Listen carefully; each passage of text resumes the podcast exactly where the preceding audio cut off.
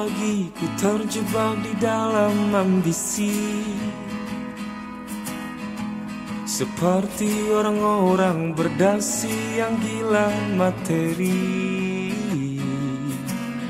Rasa bosan Membukakan jalan mencari peran.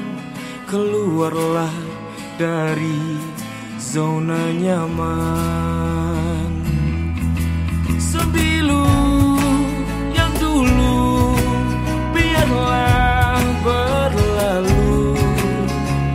Bekerja bersama hati Kita ini insan bukan seekor sapi. Sembilu yang dulu biarlah membiru. Berkarya bersama Assalamualaikum warahmatullahi wabarakatuh. Waalaikumsalam warahmatullahi wabarakatuh. Gak usah dibikin bagus dong suaranya. Ala dari Biasa. kemarin juga Nah itu gitu tuh, itu doang. tuh, kayak gitu, kayak gitu, kayak gitu, kayak gitu, kayak gitu. Anda tuh jangan jangan mentang-mentang direkam terus jadi dibagus-bagusin. Kan suara Iya, vo- volume kecil kan. Kamu ngomong pelan tuh udah kedengeran kok sebenarnya. Ya, gitu. Gitu tuh. Kalau gitu kamu tuh harus gitu kalau pas lagi ada yang mau melamar. Kalau ada ya, kalau ada yang mau melamar tuh gitu. Gitu. jahat ya anak ini. ya Allah.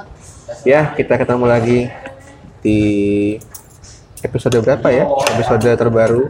Episode termahal. Episode ini spesial karena telur. dibuat karena request dari orang yang jadi narasumber. Jadi kan biasanya kalau aku bikin episode kan aku yang ngajak ya. Ayo Mbak, kapan? Ayo kapan? Ini orang yang saya ajak yang malah yang malah lebih ngebet.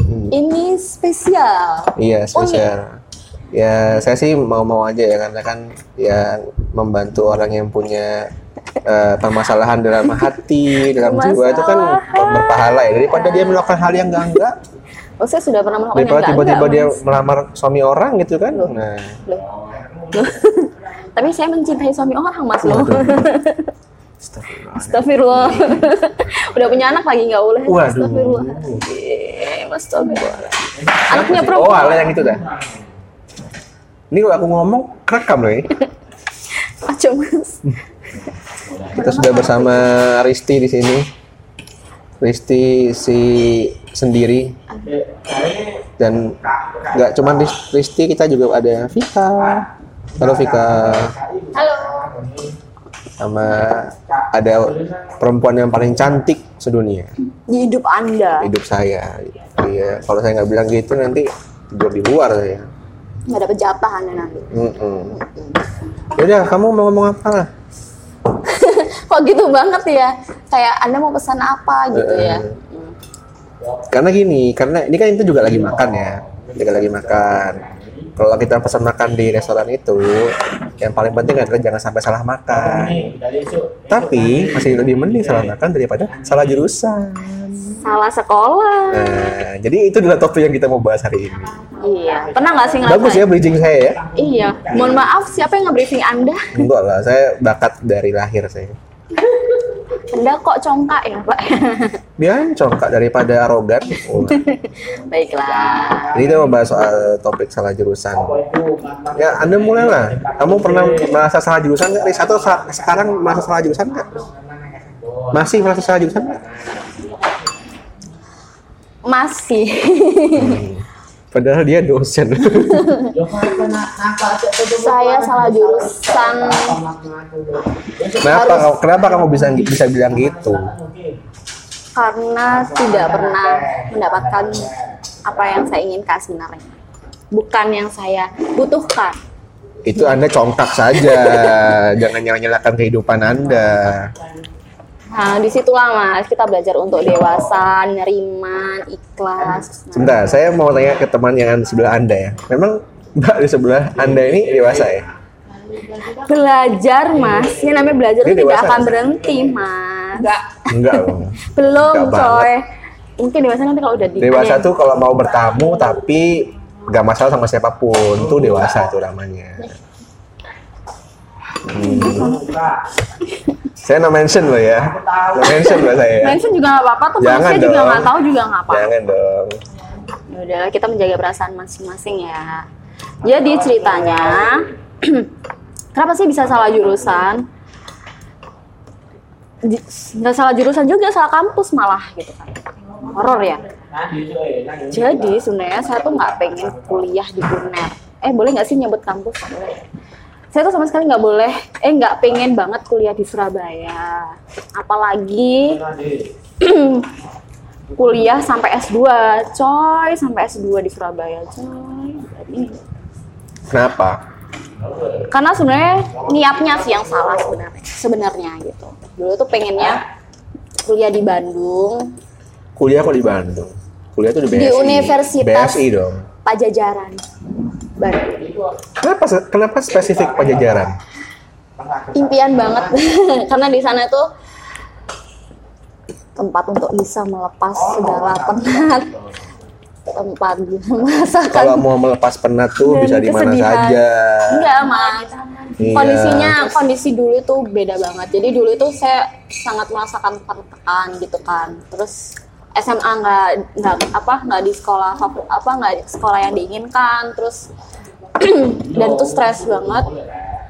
Terus mau nggak mau kan ya udah ngikutin apa kata orang tua gitu kan sampai akhirnya saya nekat tuh daftar sendiri berangkat juga dengan drama juga ke Bandung itu untuk ikut tes terus akhirnya nekat lah berangkat terus akhirnya keterima di Unpad sebenarnya keterima juga di UNER tapi karena perdebatan panjang kali lebar kali tinggi sama orang tua jadi akhirnya ya udah saya ngalah kuliah di UNER dan kenapa milihnya salah jurusan saya salah ngambil jurusan pak Loh, tapi Salah kamu tadi belum menjawab pertanyaanku. Kenapa spesifik Unpad? Di saat orang-orang lain tuh pengennya kalau Bandung tuh ITB. iya di situ Ya kenapa? Kenapa? Karena di Bandung yang universitas negerinya punya pendidikan dokter gigi di mana? Negeri ya. ya berarti kan negeri kamu ya. pengennya lanjut dokter gigi kan awalnya. Ya, tuh, pengen kayak kakak sepupu sih. Jadi Tapi bukannya dokteran gigi UNER sama Unpad bagusan UNER ya? saya nggak cari prodinya pak sebenarnya. Saya cari kampusnya. Lainnya kenapa? Kenapa Unpad? Pengen kabur dari kehidupan di Surabaya. Kalau kalau kamu mau kabur tuh ke Cendrawasih, Horor ya? Haluoleo, Horor cuy. ya ke Universitas Syah Kuala itu baru kabur. Enggak sih, jadi lebih spesifiknya karena leb- karena yang diizinin cuman kota Bandung sama Malang kalau misalnya mau lanjut sekolah gitu kan. Loh, Malang kan juga bisa kabur. Nggak mau, nggak mau. Ya, memang itu sebenarnya inti dari obrolan kita hari ini itu adalah Anda terlalu banyak permintaan. Ya, Anda iya tidak sih. muhasabah diri Anda ini. muhasabah, muhasabah. Kenapa jadi mbaknya yang makan ya? Kan saya yang pesen. Enak kan? Ini tuh dulu yang aku beli pas SD tuh kayak gini dulu itu. Mohon maaf, eh, sambatan saya nggak didengar nih Pak. Oh iya, sampai lupa saya. Nanti kalau nggak sambat, udunan saya Pak. Iya nggak? Kamu pernah nggak sih sehari itu nggak sambat itu pernah? nggak? Pernah Pak. Nggak pernah ya? Nggak pernah. Tapi Gusti Allah tuh maha sayang Pak. Gitu Kita ya? mau sambat sampai seribu kali tuh masih dikasih nafas ya, Pak. Iya iya. iya. Yang kasihan tuh malaikat akik tuh kasihan. Oh iya biar dia nggak nganggur Pak. Iya, ini masih ini belum selesai nulis, ada lagi gitu. Iya sih nggak apa-apa biar nggak nganggur kayak saya gitu ya. Ya gitu sih. Jadi dulu Jadi anda tuh mau melanjutkan pendidikan dulu tuh jauh dari keluarga gitu. ya saya pengen jauh dari mama papa sebenarnya. Hmm, terus. Terus spesifiknya ya itu ambil pendidikan dokter gigi, terus di Unpad gitu. Karena saya ngerasa dulu dulu itu dari SMA kan sering ke Bandung sama Eyang. Tiap tahun mesti ke sana. Jadi kayak feels like second home gitu Bandung tuh. Jadi kalau misal saya setahun aja nggak ke sana tuh kayak yang kayak homesick gitu lah. Kamu punya saudara di Bandung? Oh punya. Ayo ke Bandung yuk. Ntar rumah dijamin ada. Sesama alumni ITS loh yang punya rumah. Azam. Ngawur Siapa Anda. sih? Lu apa Om sih? saya. Oh, Oman. Ya kan bilang dong. Hmm, saya kan jadi tahu. saya promosikan ya buat sah- sahabat-sahabat deket saya kalau mau ke Bandung rumah dijamin ada sarapan pasti ada itu di rumah Bandung di rumah om saya alumni ITS bos jadi kalau alumni ITS itu itu pasti maunya om tuh udah ajak aja temen yang banyak gitu kan. Nah, Siap, siap. Kita pertimbangkan. karena udah ada teman-teman cowok yang tinggal di sana teman saya Ya kan kalau cowok, kalau dengan Anda kan cuma teman, belum ada yang jadi kan? malah, malah belum boleh kalau sama yang belum jadi Mm-mm. Hmm, jadi kalau bawa bawa teman 5, 10 tuh nggak apa-apa Ya terus terus. oke jadi Ini belum belum sampai ke topik jadi pembicaraan ya kan? intinya Bandung itu second home lah buat saya gitu kan sampai akhirnya ya udah mau nggak mau saya mau di sana apa pun yang terjadi di Unpad gitu Terus terus. alhamdulillah ketemu alhamdulillah keterima tapi sayangnya di UNER juga keterima Hmm. Kamu di Uner ambil apa? Yang Saya sekarang? ambil saya jelaskan namanya prodinya teknobiomedik itu berat ya dulu ngambil teknobiomedik itu asal nulis mas nggak pakai Bismillah nggak pakai mikir nggak pakai sholat istikharah nulis Kenapa nggak ngambil. FKG Uner juga? Karena pikirannya ya udah sih nggak bakal kuliah di UNER ya jadi masa bodoh aja nulis gitu kan. Ya itu nggak pakai mikir nggak pakai sholat nggak pakai Bismillah nulis apa yang oh ada bau-bau medisnya nih ya udah ambil aja teknologi medik gitu kan. Nggak bakal kuliah di sini juga gitu kan. Jahat ya. Ternyata kuliah di sini. Nah, terus waktu SMP juga pernah bilang apa sih mana ada jurusan tuh teknik kedokteran? Ternyata emang ada coy. Ada coy. Teknik biomedis itu dan cukup menderita juga ya kuliah di teknik tuh pak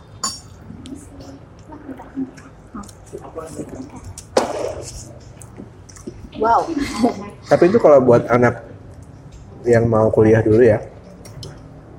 karena saya nggak pengen kuliah Bukan. teknik dulu itu jujur aja Kalau dulu sebelum zaman sosmed itu dulu justru kalau nama jurusannya itu Teknik? asing, Oh, asing. dan kayak berbau-bau yang keren gitu, justru orang kayaknya bak- bakal ngambil. gitu. nyari ya Aku dulu nggak salah pernah ngambil apa gimana ya? Pernah milih tek teknologi biomedik apa gimana ya? Tapi nggak keterima apa gimana gitu. oh anda yang itu kan tahun pertama, yang tahun pertama buka kan? enggak 2008 buka Iya kan saya kuliah dari 2008 dong.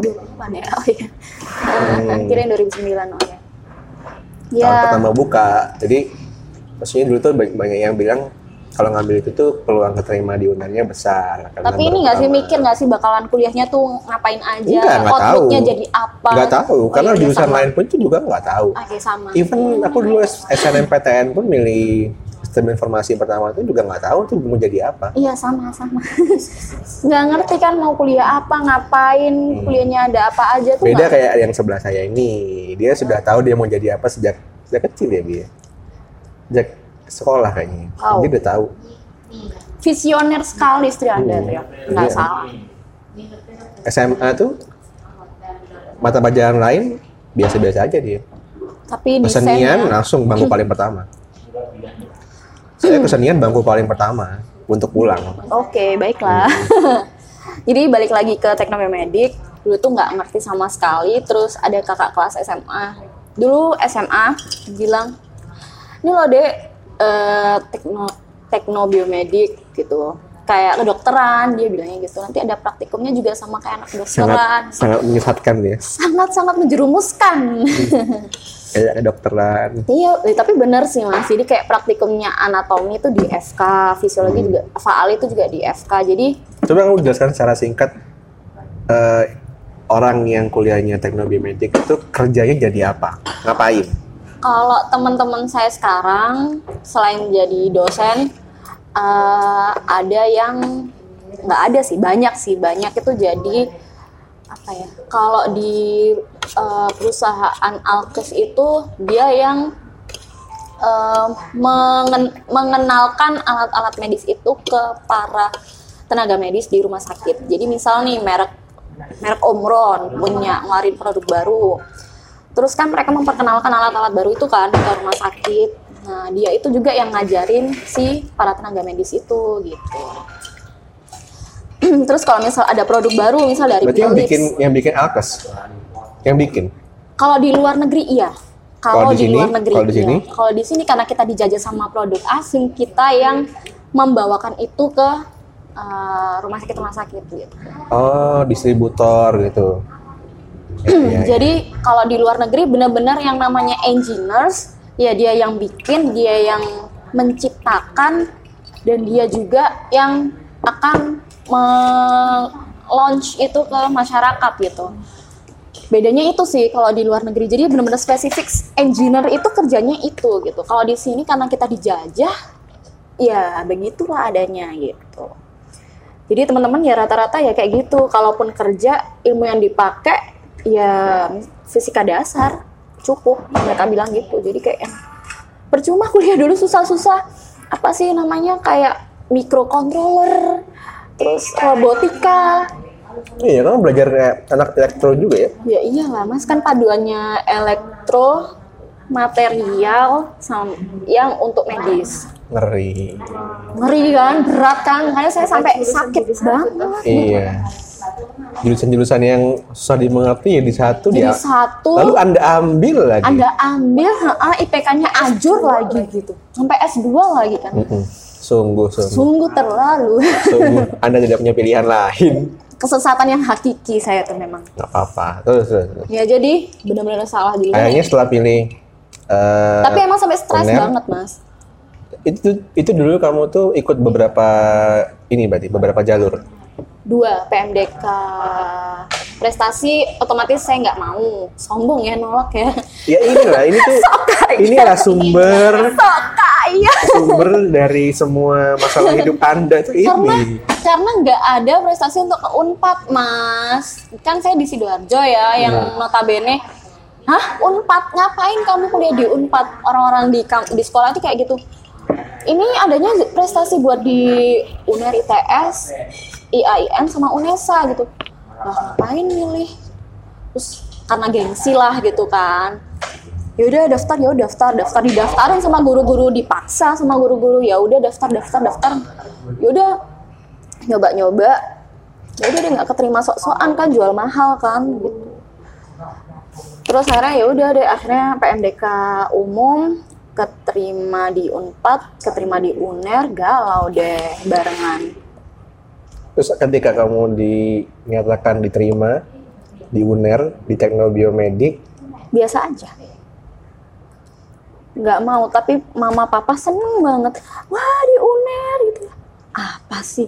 Kenapa mereka nggak seneng waktu keterimanya di unpad? Flat aja gitu mukanya waktu apa namanya buka web dua-duanya unpad keterima aku yang ah sendiri tapi sendirian Buat kamu tuh di UNER keterima.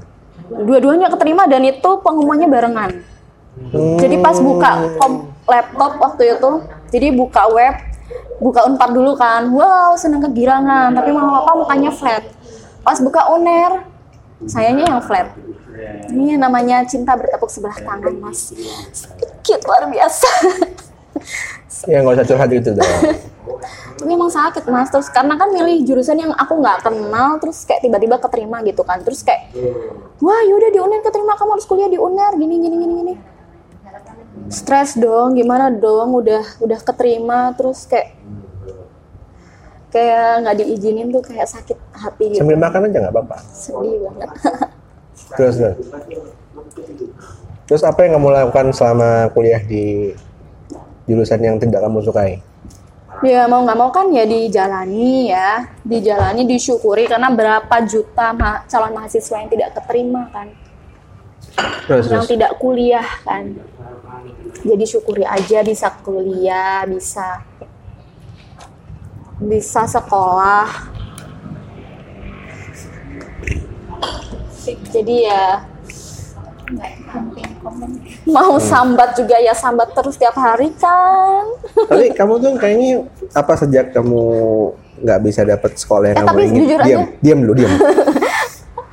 Di mana-mana tuh host kalau ngomong nggak ada yang dipotong sama tamu.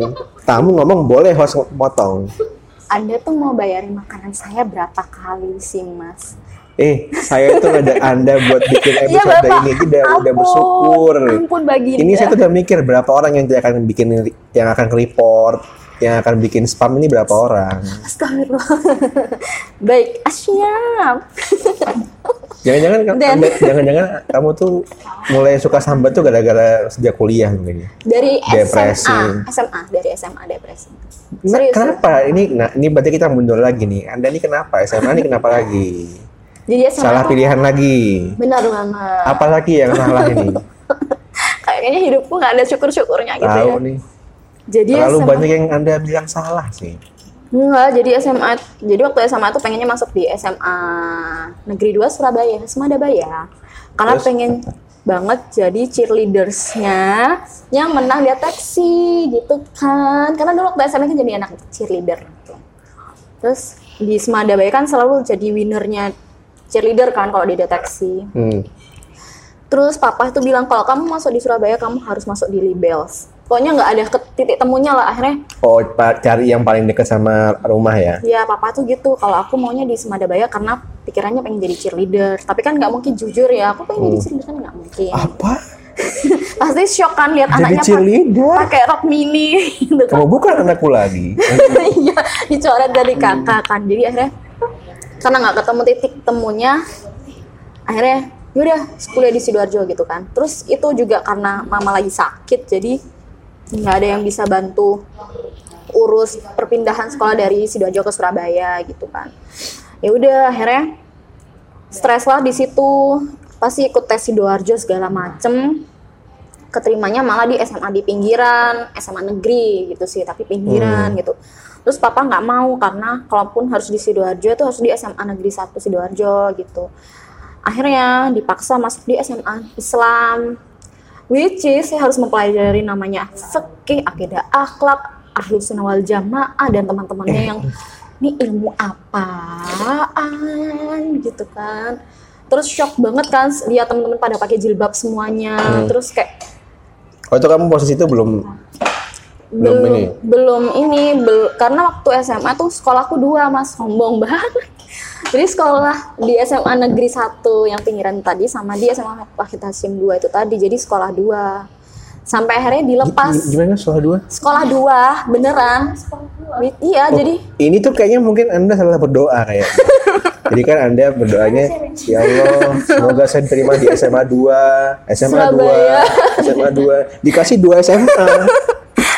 iya kayak ini sekolah iya jadi aku dulu tuh mosnya mosnya Kok dua bisa sih? Iya, jadi kan SMA-nya deketan kan, nggak nyampe. Iya, bolak-balik jadi mama dulu nganterin. Jadi Enggak, maksudnya kenapa harus sekolah 2 SMA? karena aku maunya kan di negeri maunya di negeri nggak pengen masuk swasta apalagi swasta Islam gitu kan yang Eh. apa-apa harus kayak yang strict banget gitu Terus, pokoknya terus. horor aja gitu ya udah aku ngerengek banget masuk SMA negeri negeri negeri gitu kan. Biar temen-temen tahu aku tuh juga keterima di negeri gitu kan. Karena dulu tuh judge judge-nya temen-temen tuh kayak kalau kamu nggak keterima di negeri? Ya kamu anak yang ya BOD ulah Ternyata geng-geng alay-alay di sinetron tuh ada ya dalam Iya ya. gitu loh. Jadi aku nggak mau Ih, dijudge yang kayak bukan gitu. anak SMA negeri. Ih nggak masuk SMA negeri ya, apalagi mulut-mulut tetangga tuh sadis kan. Oh, lebih lebih sadis mulut sit. Kalau Anda sudah menikah, Anda akan tahu jawaban saya. Maka menikahlah. Hmm. belum ada calon mas. Oke lanjut ya. Terus akhirnya mosnya di SMA negeri satu taman, tapi juga mos. Jadi selesai mos di negerinya, terus ke swastanya gitu kan. Jadi capek bolak-balik bolak-balik gitu. Itu sampai ada dua bulan kayak gitu model sekolah. Sampai akhirnya yang negeri dilepas, terus full di swasta. Gitu. Akhirnya saya jadilah anak pesantren ala anak pesantren. Tapi terus itu tuh saya akhirnya akhirnya pengalamanmu Stres saat SMA sih. itu membuat pribadimu jadi kayak gini sekarang. apa? Pemberontak. iya sih. Heeh, Hmm. emang. Soalnya di SMA tuh aku waktu masuk pertama kali di SMA Islam itu bener-bener yang sekolah tuh terus akhirnya pulang sekolah aku ngurung diri sampai tiga hari nggak mau makan nggak mau keluar kenapa harus sekolah Islam gitu kan ngapain emang buat apa gitu kan tapi kata papa mama itu biar aku jadi anak yang tahu akhlak lah gitu punya adab lah. Gitu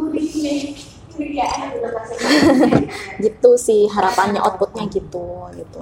Ya ya ya, oke oke. kalau saya kan kedunian banget ya. Cheerleader lah pengen famous lah gitu. Jadi dan itu kebawa sampai di kuliah yang pengennya di unpad yang jauh gitu.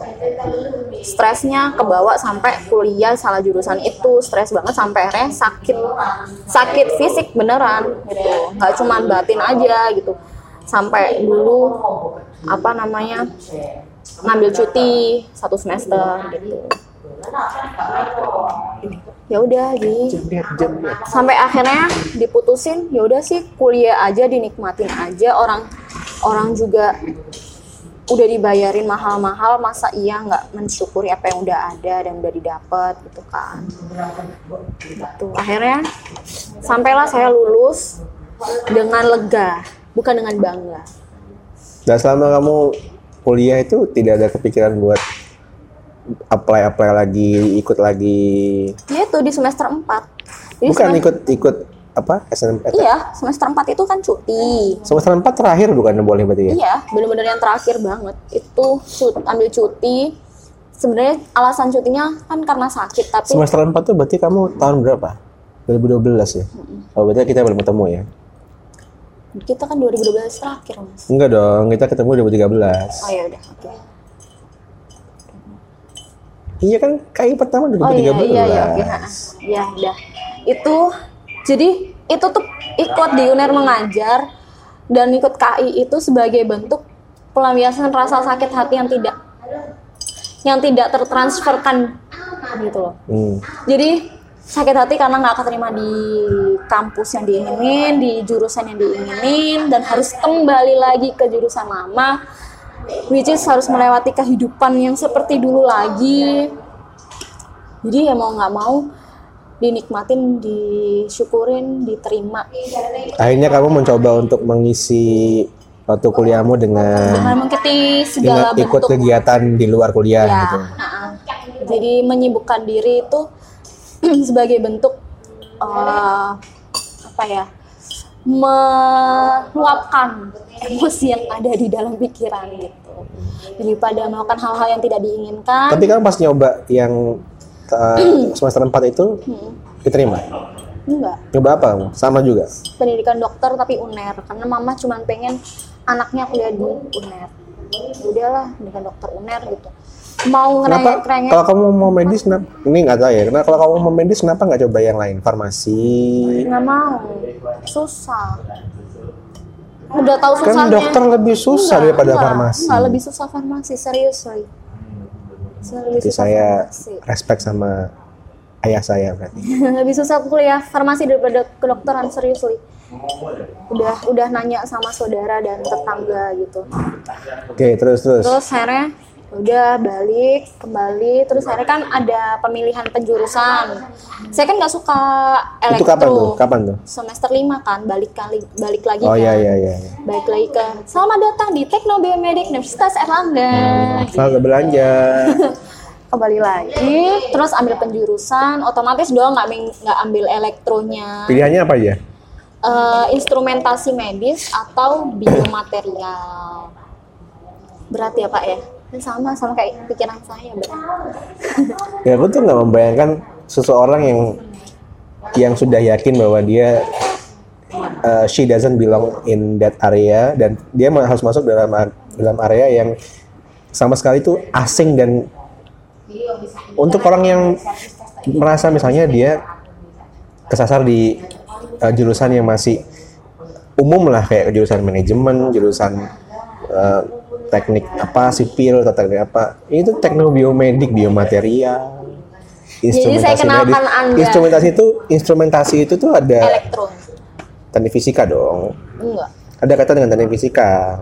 Hmm, nggak tahu saya kalau medisnya mungkin ke elektro. Biomaterial itu kan biologis sama material berarti kan? Ada irisan irisannya dua itu kan? Bio materialnya medis lah gitu. Oh. tapi kalau instrumentasi itu kan ada yang software ada yang hardware. Tapi kalau software kan sebenarnya pengen ambil material jadi kayak desain tapi yang software. Cuman Hmm. karena di UNER tuh nggak belum ada dosen yang mumpuni untuk software itu jadi ya udah sih ambil yang based on laboratory gitu kan. Ya udah akhirnya ambillah biomaterial gitu. Dengan oke oke. harapan bahwa Bismillah yakin pokoknya sukses. amin. Amin. Kita doakan amin. Amin dong amin. Baru kali ini ada doa orang minta doa dengan paksa kayak gitu ya. Aduh, ya amin nggak? Amin nggak amin di rumah pak. ya gitu jadi amin adalah wapres kita sekarang. Oke baiklah skip politik.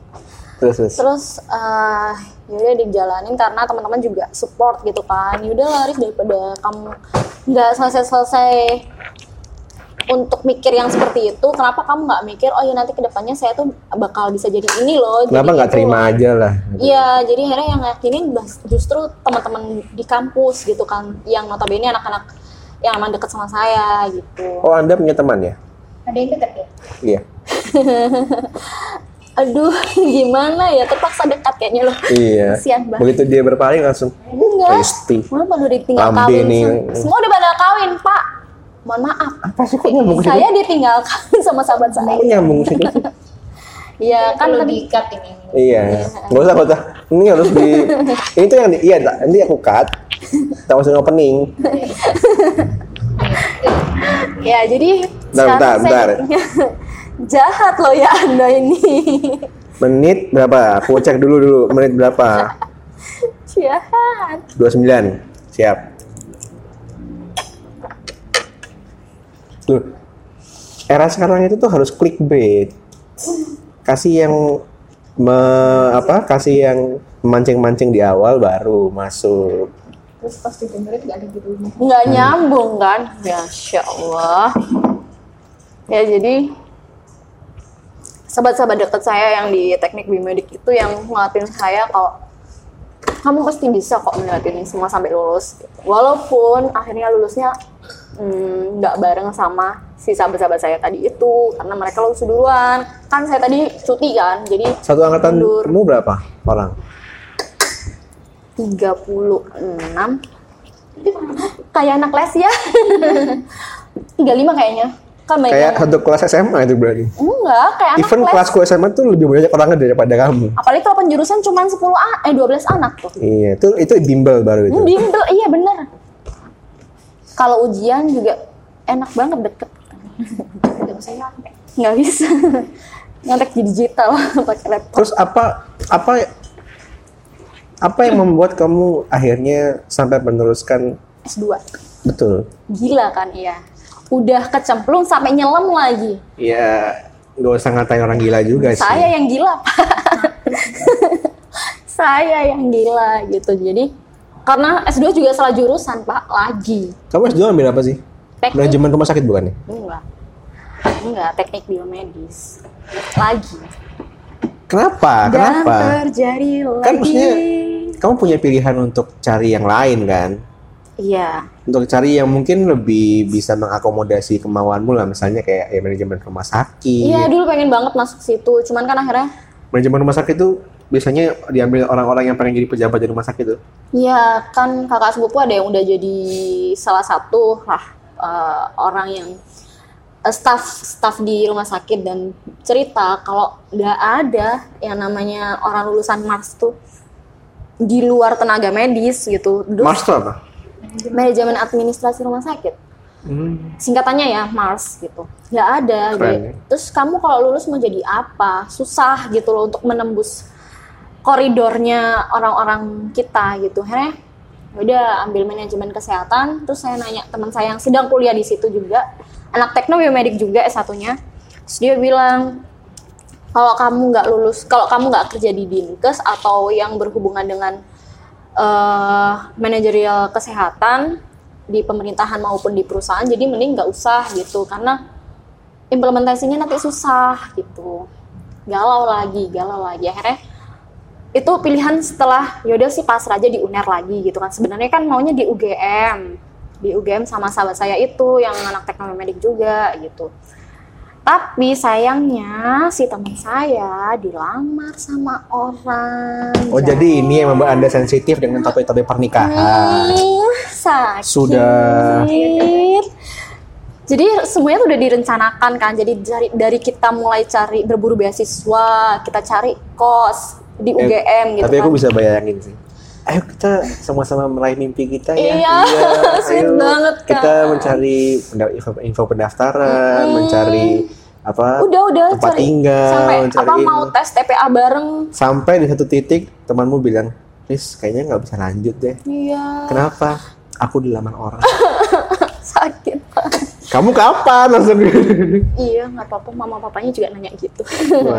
Ya udah sih jadi ya itu sedihnya di situ Anda mau ikan nggak di ini? Mungkin ada yang dengerin kan buat Mm. ikhwan-ikhwan usia berapa minimal? usia minimal berapa? kamu kamu sekarang usia berapa sih? 28 sampai 35 Ya. range-nya ya Gak apa nggak apa kita kasih biar seneng aja. Dapat sampai 35 apalagi muslim pasti Iya. ya Hmm. muslim bisa mengaji. ya minimal bisa ngaji Hmm. udah Apalagi ya tetap bekerja berarti anak dua nggak apa-apa ya? oh mulutnya ya mulutnya Loh, minta Anda kan nggak bilang kan? Anda nggak bilang Eh, kan? single ya sekali lagi single Iya, kalau dia anaknya dua tapi single Iya, single anak dua kan ada. Banyak Udah, milih ya? ya.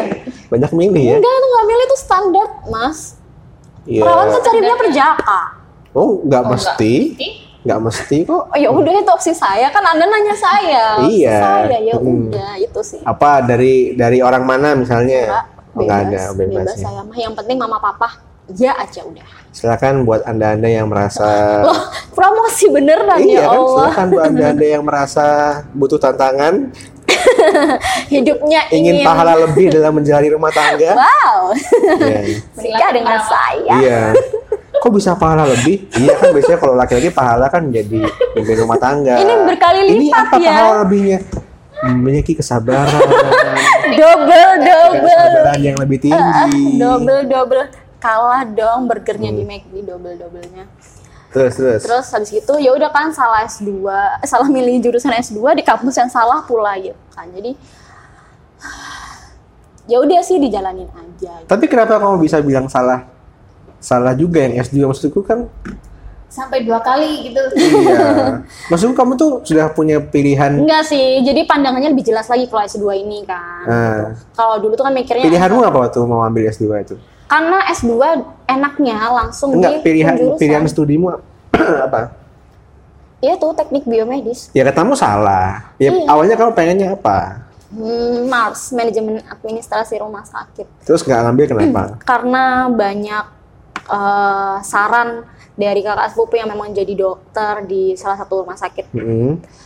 Terus Salahnya apa? ya itu tadi eh, orang-orang yang kuliah di Mars itu rata-rata ingin naik jabatan atau yang mau eh, apa sih namanya kayak eh, apa sih ya naik jabatan Iya naik jabatan. Uh, dan itu dari orang-orang medis, dari dokter, dokter gigi, perawat gitu. Dan nggak mungkin ada orang di luar area itu gitu. Untuk masuk di rumah sakit karena dulu cita-citanya saya pengen kerja di rumah sakit. Cita-citanya itu gitu kan. Kenapa kamu pengen kerja di rumah sakit? I love the atmosphere. Di mana-mana. Kalau kita ke rumah sakit itu atmosfernya atmosfer sedih, nah, atmosfer sakit. enggak.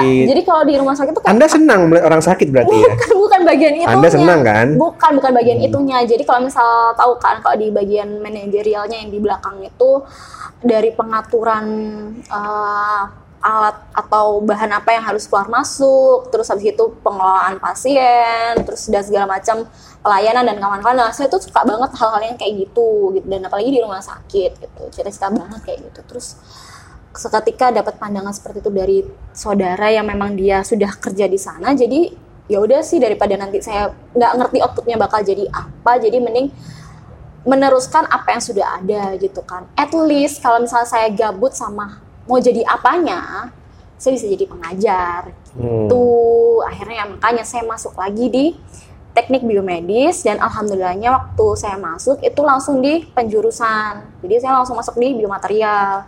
Jadi at least saya nggak gila-gila banget lah kayak S1 gitu. Jadi waktu di semester 1 udah menikmati ritmenya karena udah pernah mengalami gitu kan. Mhm. gitu.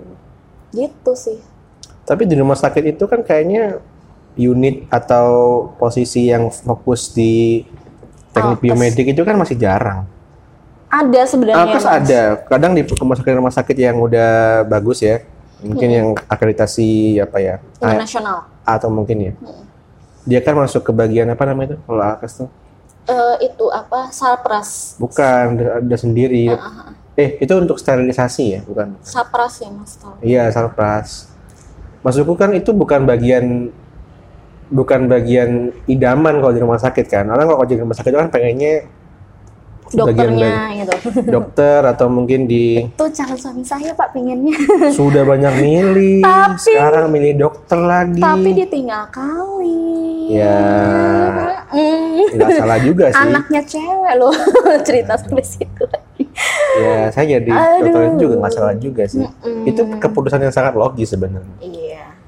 Gitu jadi ya itu sih kalau di rumah sakit itu biasanya yang paling jadi posisi favorit buat karir itu apa sih biasanya? Kalau buat ngejar duitnya memang poli. poli gila mas. Rumit stressful banget kalau di poli lah. eh lebih stressful lagi di IGD sih. Poli kan biasa aja sih. ya gimana itu orang-orang ini tenaga biasanya medisnya. Apa biasanya apa? Apa? Yang yang idaman. Idaman. Idaman buat karir yang karirnya bisa nggak ngerti nggak ngerti kan tiap orang punya idaman masing-masing Mas. kalau idaman saya anda loh skip skip skip aduh prahara dong enggak Anda enggak jangan bikin saya tertimpa masalah dong. Enggak, enggak, enggak, enggak. Jadi ya itu kalau misalnya akunya sih pengennya yaitu di bagian pengelolaan eh, keluar masuknya alat dan bahan di rumah sakit. Itu sarpras berarti Heeh, cuman masuk pengadaan juga berarti kan. ya, cuman kan nggak mungkin. Jadi ya udah skip lah untuk keinginan yang satu itu. Realistis sih. Jadi semakin kita tahu ke atas tuh semakin kita realistis bener sih optimis tapi kamu harus tahu ini tuh yang kejadian sebenarnya gitu kan jangan sampai kamu nekat optimis tapi malah kamu tersesat dan tidak tahu arah jalan pulang gitu kan jadi ya udah sih optimis aja ambil yang sudah ada sudah tahu jalurnya dan mau jadi apa gitu daripada kayak kamu nekat ambil yang yang kamu harap-harapin tapi sebenarnya tuh hap- hampa gitu. Kamu nggak ngerti kamu nanti mau jadi apa gitu kan. Terus akhirnya Anda sekarang jadi dosen. Saya kasihan sama mahasiswa saya ya. iya ya, ini kalau saya kalau episode ini didengerin sama mahasiswa Anda, Eh, untuk mahasiswa Uinsa mohon bersabar. malah dibilang kampusnya lagi. mohon bersabar. Kita nggak bilang kampusnya kok. iya nggak apa-apa. Iya. Karena karena kita manusia mas, nggak ada yang nggak cacat di dunia ini. gitu. Langsung ketika ada yang dengar gitu kan, terus pas lagi bimbingan tuh lagi ngejain tugas, dipanggil sama Risti kan, kamu kenapa ngejain tugasnya setengah-setengah? Ibu juga setengah-setengah kan? Tapi untuk anda aku tidak setengah hati mas. Sus. Astagfirullah. Anda jangan bikin saya tidur di luar Anda malam ini. Eh, eh, nggak apa-apa tidur di itu depan di jalanan. Saya kasih tips ya, ketika Anda sudah punya pasangan, sebagai seorang laki-laki, ketika melihat pasangan Anda diam seribu bahasa, itu pertanda, itu tanda, bahwa itu, itu tanda, itu bukan tanda nggak jadi terjadi apa-apa. Itu, ada apa-apa. Ada apa-apa.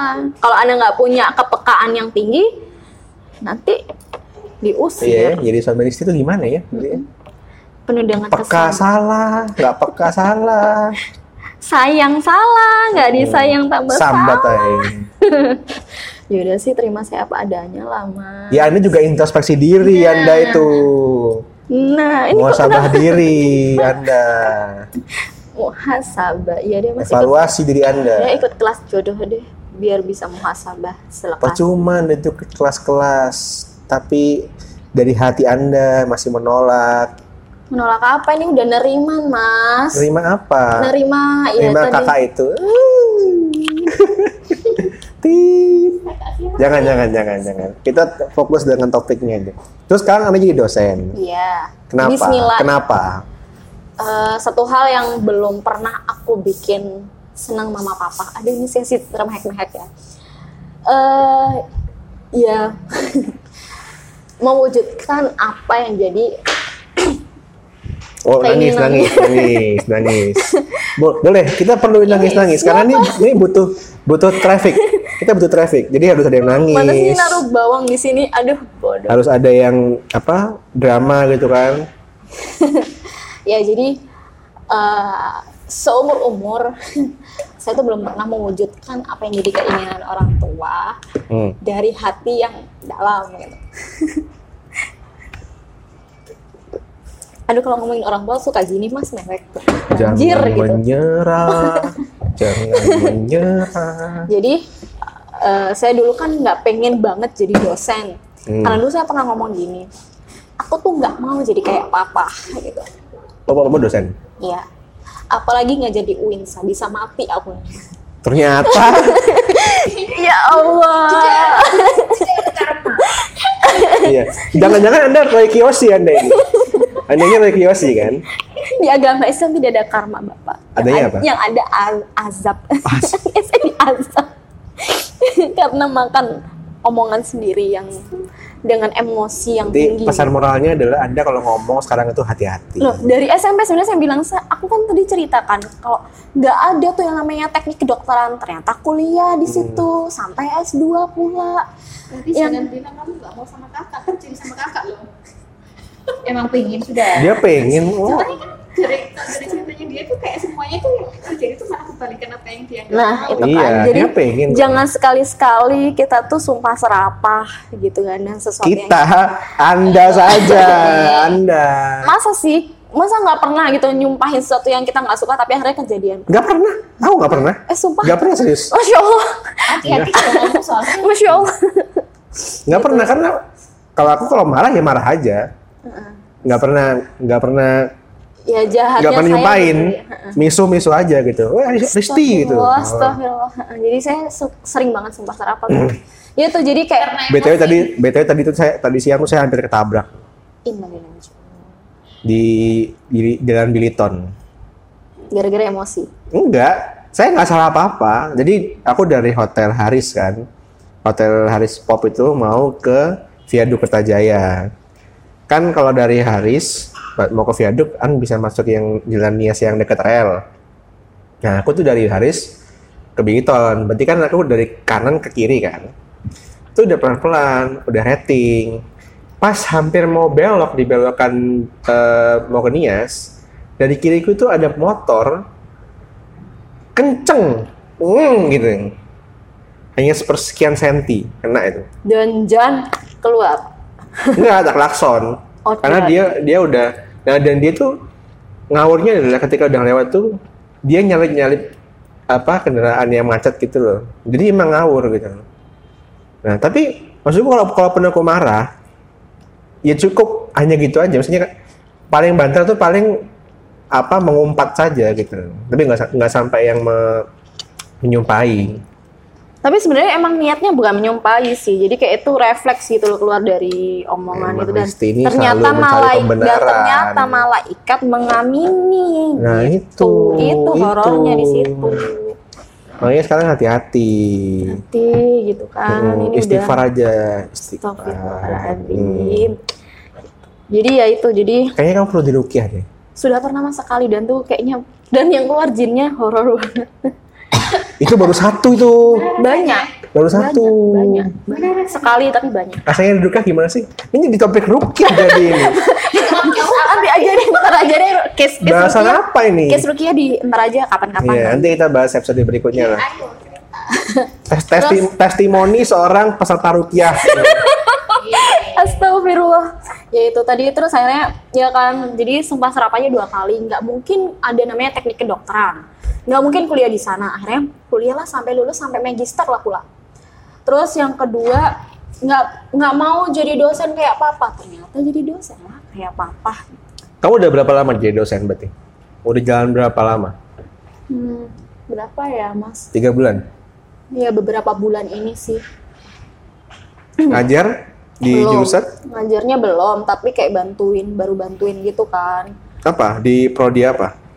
Eh, di Fakultas Sains dan Teknologi, program studi biologi. Oh itu masuknya di biologi. Iya, karena dari dulu sebenarnya kan pengen kuliahnya eh, BSI aja. Enggak ya, enggak jauh-jauh lah dari dunia biologi gitu kan. Kedokteran, biologi gitu kan. Jadi ada ada apa namanya? lowongan di biologi. Jadi go on lah dengan itu. Ya, dijalani lah Mas intinya. Dan ini sih, jadi pembelajaran yang selama ini saya dapat tuh yang pertama, Hati-hati kalau ngomong. iya Iya. kalau ngomong mah hati-hati ya. Hati-hati. Kayaknya belajar. iya, pembelajaran Anda itu cuma satu sebenarnya. hati-hati kalau ngomong jangan sampai sumpah serapah kalau kejadian malaikat nyatet malaikat ngamini ngojar anda Iya. hmm abis tuh terus yang kedua belajar untuk neriman Nerima. neriman Merelakan. ikhlas ikhlas apa yang udah Allah kasih Ini kita ngomongin jurusannya atau dokter yang tinggal nikah itu? aduh mas jadi Sebenarnya itu kayaknya bukan tinggal nikah. Dokter dokter itu sebenarnya nggak pernah punya perasaan apa-apa sama dia. Kok jahat? ini emang jahat dia nih jahat banget masya Allah Loh, kalau ditinggal nikah itu berarti kan kamu sempat punya komitmen sama orang itu. Terus dia berkhianat. Enggak sih nggak berkhianat. Saya tuh ngeyel dikasih tahu dia tuh udah dijodohin gitu kan. Ya itu Anda saja yang nggak yang ya kan ya kan kalau dijodohin kalau kita pepet terus kan kalau selama ada Ya itu usaha niat bisa. Anda sudah salah. Selama bisa dipepet ketikung kan ya alhamdulillah kalau mana-mana kalau Anda kepepet, itu nyerempet. nyerempet. Bukan makromnya Mas jangan nyerempet nyerempet. Bukan Anda kalau di jalan mepet tuh nyerempet. Iya sih. Ini ya kalau nggak luka ini sakit ya.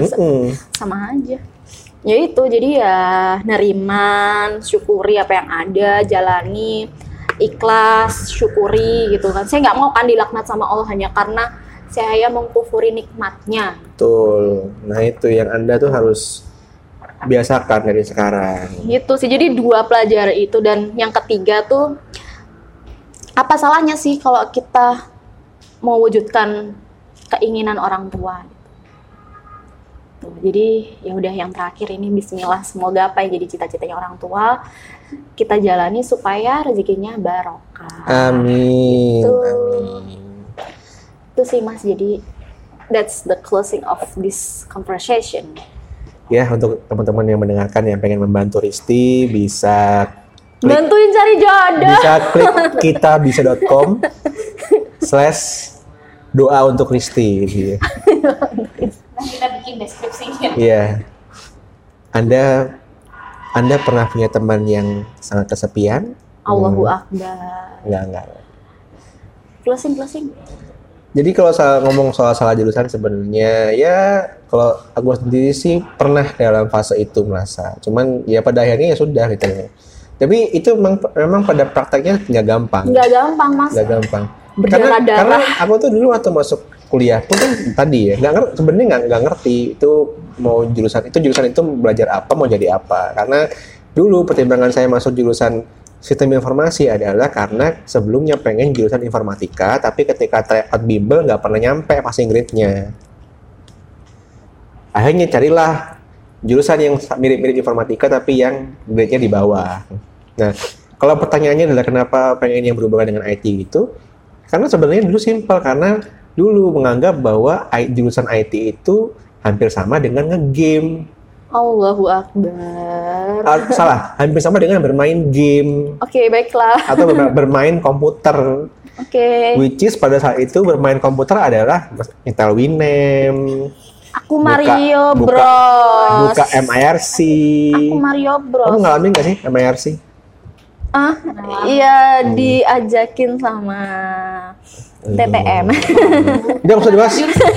Kita nggak bahas itu. Kenapa Ini anda bahas pertama yang kalinya lain? diajakin ke warnet terus MI buka MIRC sama TTM gitu. Lehnal. SMP loh Mas kayak gitu. Astagfirullah. Nah, Ada terus nggak ya dia? ma- game komputer ternyata masuk jurusan komputer itu it's a whole different thing Yes, dan Kanda apakah bisa bermain apakah juga bermain bermain game iya bikin game lebih tepatnya bikin ya. Itu susah. nah itu susah Itu harusnya. Lebih iya ahli iya lebih seru harusnya buat ya. buat buat orang yang logisnya main analitiknya main terus seru karena kamu bikin rules kan bikin pengondisian gitu nah saat itu aku masuk kuliah itu karena ternyata kayak gitu tapi aku nggak terlalu de- apa nggak terlalu yang terjerembab dalam lembah penyesalan kayak kayak saudaraan saudara saya di depan saya ini. Tapi tapi karena waktu kuliah itu juga ada rasa pengen menggunakan waktu kuliah itu untuk aktif untuk terlibat di mana-mana. Akhirnya dulu tuh waktu kuliah aku merasanya lebih banyak mainnya daripada daripada kuliahnya. Eh, maksudnya lebih banyak kegiatan di luar. Dan itu sedikit banyak yang pada akhirnya cukup eh, membuat penyesalan juga ketika lulus. Karena dulu me- me- dulu menget- memahami bahwa eh dulu masih banyak hal yang nggak saya mengerti mengenai topik kuliah yang saya pelajari. Dan habis lulus saya berpetualang ke banyak pekerjaan karena ya tadi karena basic eh, ilmu dari kuliahnya menurut saya kurang eh, untuk dipraktekkan dan banyak pekerjaan yang justru menggunakan kompetensi yang saya dapatkan di luar kuliah tapi ya ini sekarang akhirnya di kerjaan yang sekarang itu kembali ke asal lagi ke topiknya eh, SI lagi Di jalan yang benar lah ya.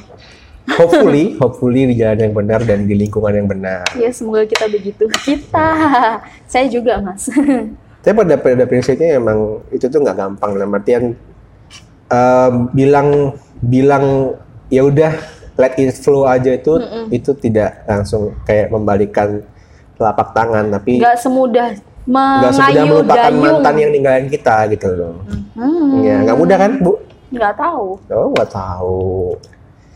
Iyain aja. Ya jadi eh tips kalau sekarang kayaknya anak-anak zaman sekarang kayaknya nggak kayaknya sedikit ya yang merasakan salah jurusan gitu ya. Itu banyak ya. Kayaknya Ap- enggak atau karena kayaknya anak zaman sekarang itu bukan anak zaman sekarang itu masalahnya bukan karena mereka nggak punya informasi kebanyakan informasi kebanyakan itu, informasi dan banyak yang memfasilitasi gitu. serius serius serius karena dalam satu poin itu ini case-nya dulu ketika aku memilih pekerjaan ya, itu karena kayak terlalu banyak referensi itu bingung akhirnya mana yang paling paling cocok gitu loh Iya. karena semua tuh punya punya komen masing-masing ini yang paling bagus nih yang paling bagus akhirnya bingung akhirnya kita nggak berani untuk memutuskan uh, pilihan kita sendiri pada akhirnya seperti itu Iya.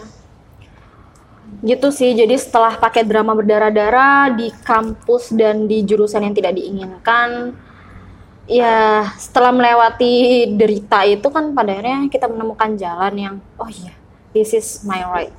this is it Gitu. Tapi salah jurusan bisa ketemu jodoh loh. tuh anda jangan curhat dong Curhat sesi lain Iya. gitu. Jadi di sesi saya itu sih. iya iya Jadi nggak Saya selalu men- menderita. iya Saya menemukan tergantung kita sebenarnya kalau kita sambat terus Iya betul betul. Iya. iya Makanya jangan sambat terus dong jadi manusia.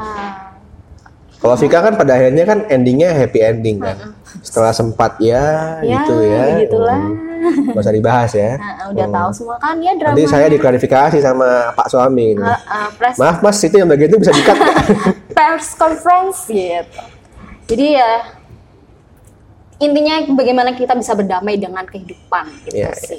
ya, Anda juga harus damai sama orang. Damai Jangan sama diri sendiri juga dulu. Mas. Damai sama diri sendiri dulu. Kalau sama diri sendiri udah bisa healing, baru bisa neriman yang lain gitu. Selama belum bisa healing sama diri sendiri, bakal susah nerima orang dari luar gitu. Iya, iya, iya. Ya udah ya, udah mau satu jam men. Udah, Satu jam, udah mau satu jam. almost. Is never enough. Ya udah, ada closing statement nggak? Udah sih tadi kan udah ada tiga poin plus satu poin. Iya, iya, iya. Ya udah, itu aja deh. Itu aja deh untuk episode kali ini. Terima kasih sudah mendengarkan Yes, have a great night everyone. podcast podcast. Ya udah, udah, udah jelek banget sih. Podcast waktu luang bareng gue Dias dan gue dan Risti Risti. dan teman-teman yang lain. Ada Vika, ada Mas Sari. Have a good night people. Yuk, kita pamit. Thank you. Bye. Dawai menyuarakan sebuah awal kisah kehidupan yang berjalan detik berputar hari dimulai. Mengantarkan insan ke dalam semestanya di dunia. Waktu dan rahasia kan menyapa tanpa salah. Di hari yang ditentukan dilahirkan ditemukan dan dipisahkan. Gugur satu berjuta cinta